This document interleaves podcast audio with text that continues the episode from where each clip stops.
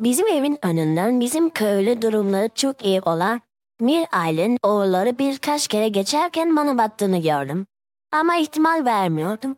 Çünkü onlar bayağı varlıklı insanlar, biz ise çok fakirdik.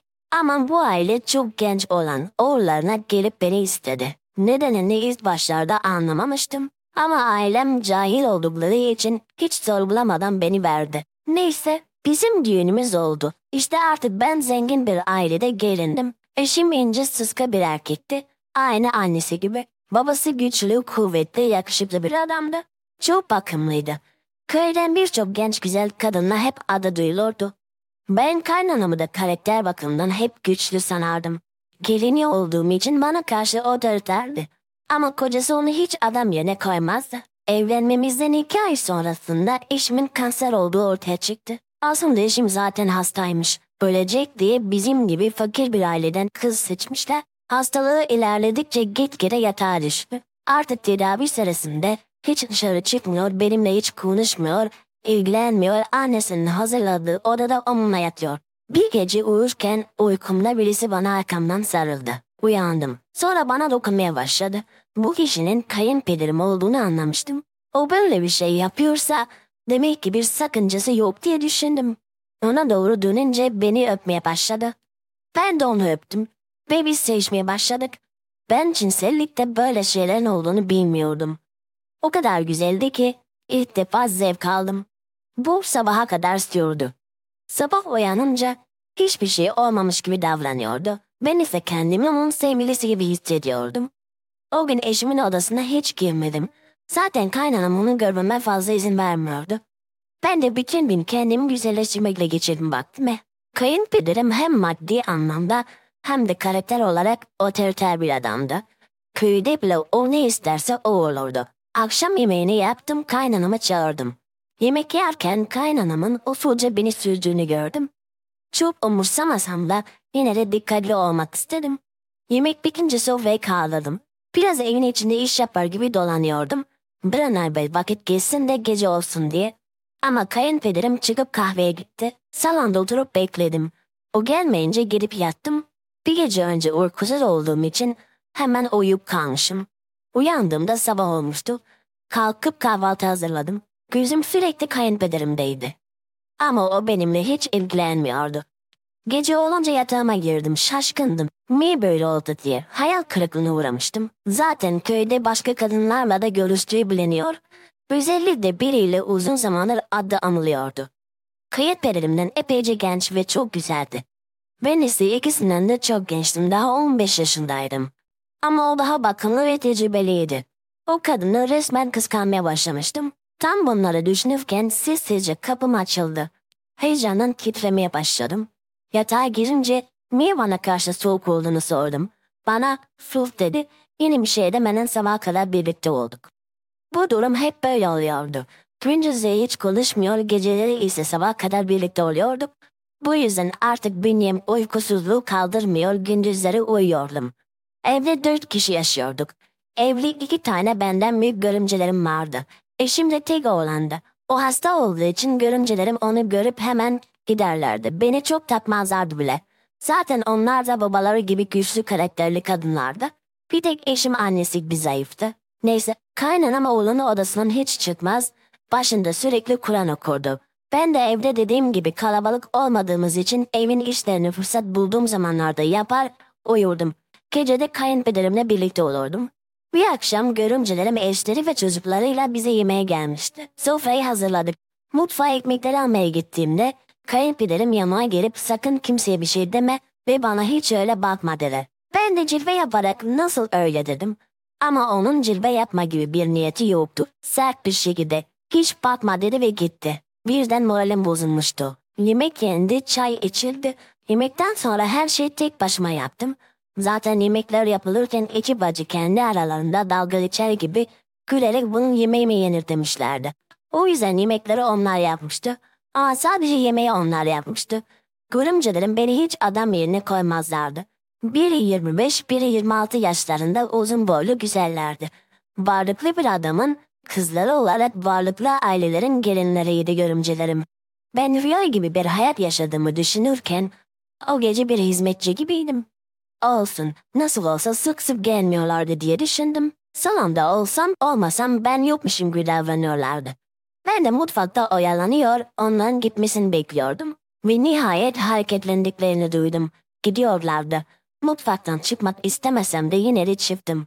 Kayınpederim ve kaynanam onlarla sokak kapısına kadar gittiler. Ben de hemen salonu toplamaya başladım. Daha sonra kaynanam ve kayınpederim bir şeyler konuşarak içeri girdiler. Beni görünce sustular. Sonra eşimin odasına girdi ikisi ve kapıyı kapattılar. O an anlamıştım. Görümcelerim bu akşamki girişlerinde bir durum vardı. O gece kayınpederim de eşimin bulunduğu odada kendi karısıyla yattı. Ben ise sabaha kadar neler olup bittiğini düşündüm. Zar zor sabah karşı uyudum. Sabah uyandığımda salonda eşim, annesi ve babası oturuyorlardı. Kayınpederim onun tedavisi için sürekli hastaneye götürüyordu. Ama ben kendi zevkime düştüğüm için zavallı eşimi hiç takmadığımdan odasına gelip hiç ona bakmıyordum bile. Bu yüzden iyileştiğini fark ve edemedim. Bayağı toparlanmıştı. Yanına yaklaşıp nasılsın dedim. Ona cevap vermeye fırsat bile vermeden kaynanam bana bu saate kadar uyunur mu? Çabuk kahvaltı hazırla dedi. Hemen geçip kahvaltıyı hazırladım.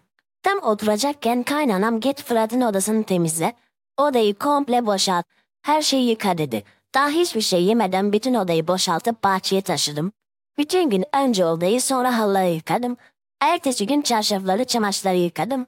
Daha ertesi gün kuruyanları tekrar odaya getirecekken kaynanam onları bir çuvala koyup yükleye at dedi. Oda komple boş kaldı birkaç hafta. Bu arada da kayınpederim artık hiç odama gelmiyor beni görmüyor bile. Dan sonraki günlerde boş olan odaya yeni eşyalar gelmeye başladı. Yeni yatak odası, dolap falan. Ben de kaynanamın kontrolünde siliyor, eşim için yeni alınan kılık kıyafeti dolaplara yerleştiriyordum. Sonra perde, çarşaflar, sanki yeni gelin hazırlığı yapıyordum. Neyse bütün hazırlık bitince babam ve amcam geldi. Annemin hasta olduğunu söyleyip ona bakmam için beni eve götürdüler. Annem hasta gibi görünmüyordu. Ama ben de yorulmuştum. Fırsat bu fırsat dinlenelim diye düşündüm. Birkaç gün sonra davul zurna sesleri duydum. Sonra anneme sordum. Köyde kimin düğünü var diye. Bilirdik düğün dernek cenaze olacak. Çünkü köy çok küçük bir köydü. Neyse annem hiçbir şey demedi. Ama benim küçüğüm kardeşim geldi. Abla bu senin kocanın düğünü dedi. Kulaklarıma inanamamıştım. Nasıl yani? Ama onunla ben evliyim dedim. Kardeşim de senin kayınpederin geldi babama ve amcama yüklü miktarda para verip gitti. Galiba seni kocanın ayırmak içindi bu para dedi. Nikahımız yoktu sadece imam nikahımız vardı. Kolayca beni başlarından attılar. Bir de gelin odasını bana hazırlattılar. Kocam için değil ama kayınpederim için ağlıyordum. Bitmiş olmasına inanamıyordum. Bir gün bütün cesaretimi toplayıp kız kardeşim de yanıma alıp kayınpederimin sürekli geçtiği güzergahta bekledim. O gün gelmedi ama defalarca bunu tekrarladım. Yine bir gün beklerken nihayet geliyordu. Kız kardeşimi biraz uzaklaştırdım. Beni görünce çok şaşırdı. Ne oldu ne istiyorsun dedi. Bana bir açıklama bile yapmadın dedim. O da şuna bak, kocası için değil de benim için hesap soruyor dedi. Git uğraşamam seninle. Bir daha da adımızı anma. Babana da söyledim gideceksiniz buralardan dedi. Ne gitmesi? Ben ne olacağım dedim. Gel biz ikimiz gidelim buralardan dedim. Sen delirdin mi? Ben senin gibi biri ne yapayım dedi. Hani beni seviyordun dediğimde ne sevmesi be kocasını ağlatan birisin dedi. Ama sen istedin ya dedim. O da sen de hemen kabul ettin dedi. Sen böyle bir şeyi kabul etmeseydin ben seni oğlumdan ayırır mıydım dedi. Hem ben seni denedim dedi. Tabii ki yalandı ne denemesi. O çukuruna düşkün bir adamdı. Biz garibanız diye namusumuz önemli değil onlar için. Yapabileceğim hiçbir şey yoktu. Mecbur boynumu büküp eve döndüm. Ertesi gün kız kardeşim, annem ve amcamın karısı yengemin konuşmalarını duymuş. Kayınpederim görümcelerimden birine daha ben o evdeyken söylemiş eşim için kız bulunmasın. Görümcem de kocasının varlıklı olan bir akrabasını bulmuş. Yıllar sonra duyduğuma göre eski eşim tamamen sağlığına kavuşmuş. Üç tane çocukları olmuş. Şimdiki eşiyle daha uyumlu ve mutluymuş. Buna gerçekten sevindim. Bize gelince kayınpederimin verdiği parayla evimizi köyümüzü terk edip İstanbul'a geldik. Geldiğimizde otogarda bizim oralı olmayan ama kayınpederimin tanıdığı bir adam gelip bizi aldı ve arabasıyla bu eve getirdi. İstanbul'a göre iyi olmayan ama bize göre mükemmel bu eve yerleştik. İçinde birkaç eşya vardı. Kalanını da daha sonra hızlı bir şekilde aldık. Oraya çabuk alıştı. Bize göre çok değişik bir hayat. Babam bir bakkal dükkanı açtı. Tabi her şeyi kayınpederimin tanıdığı bu adamla yaptı. Buraları tanıdık, alıştık. Artık şehirli olmuştuk. Bir gün annemle pazardan dönerken bir komşumuz yolda bir kadına sohbet ediyordu. Anneme bu bayan benim oğlan öğretmeni. Evine haftada birkaç gün temizlikçi arıyor. İlgilenir misiniz diye sordu. Ben hemen olur dedim ve başladım temizlik işine. Evini temizlediğim öğretmen çok iyi bir kadındı. Ondan çok şey öğrendim. Daha sonra babam artık bakkal işini iyice öğrendi ve bir de kasaba açtı. Durumumuz çok iyiydi. Ben bakkalı, babam da kasabı işletiyor. Öğretmenin evindeki işimi ise bırakmak zorunda kaldım. Ama kendisiyle artık sürekli görüşüyorum. İstanbul'a gelmek ve öğretmen hanım hayata bakış açımı değiştirdi. O köydeki küçük kız sanki şu an ben değilim. Bambaşka bir oğlum. Hadi ben küçüktüm cahildim.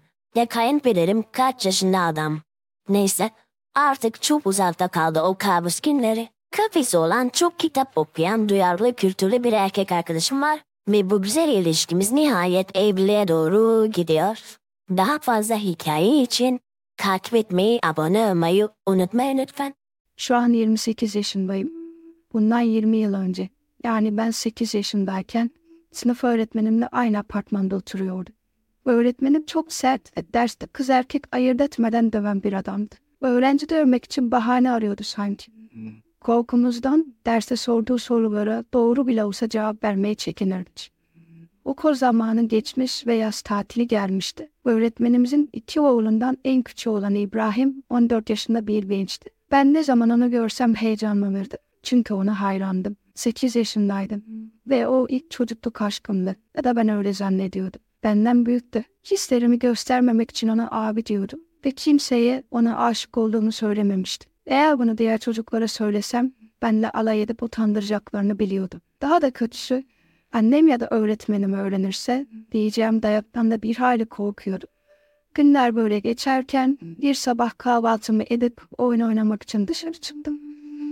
Bir de baktım ki henüz kimse dışarıda yoktu. Ama İbrahim tek başına bisiklet sürüyordu. Onu görünce o kadar sevinmiştim ki o bisiklet sürerken gözlerimi ayırmadan sürekli onu seyrediyordum. O da bunu fark etmiş olacak ki yanıma geldi. Sen niye burada yalnızsın? Arkadaşların gelmiyor mu seninle oynamaya dedi. Ben de gelirler birazdan dedim. O da bana gel senle bir oyun oynayalım dedi. Ben de çocuk haklıydı tamam dedim.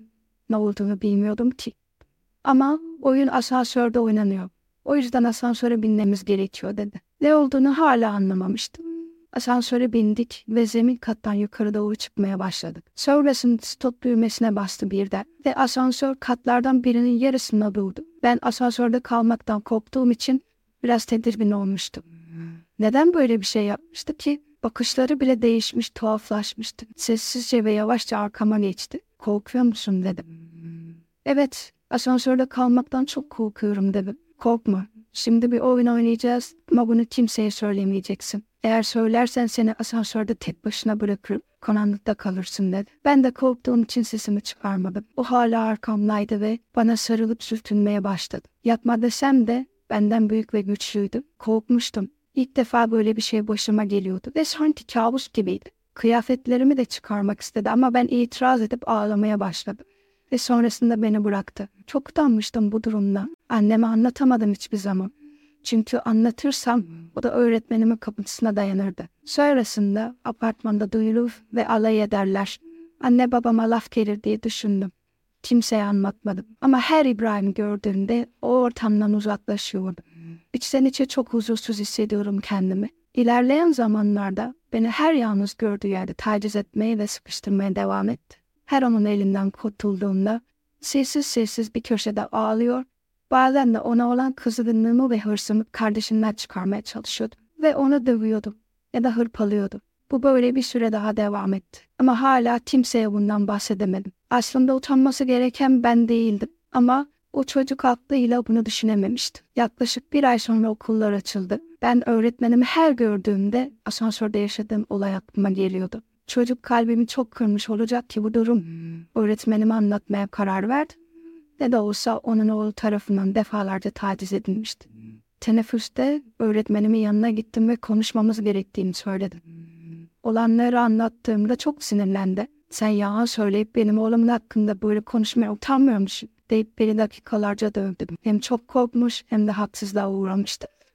Bir yandan saçımı sert bir şekilde çekip Bir yandan da eğer bunu birine anlatıp benim oğlumun itibarını zedelersen seni öldürürüm diye tehdit etmişti. Hem canımın acısı hem de korku beni susturmaya yetmişti. O günden sonra öğretmenim olacak o adamdan nefret ettim. Şimdi ben de öğretmenim.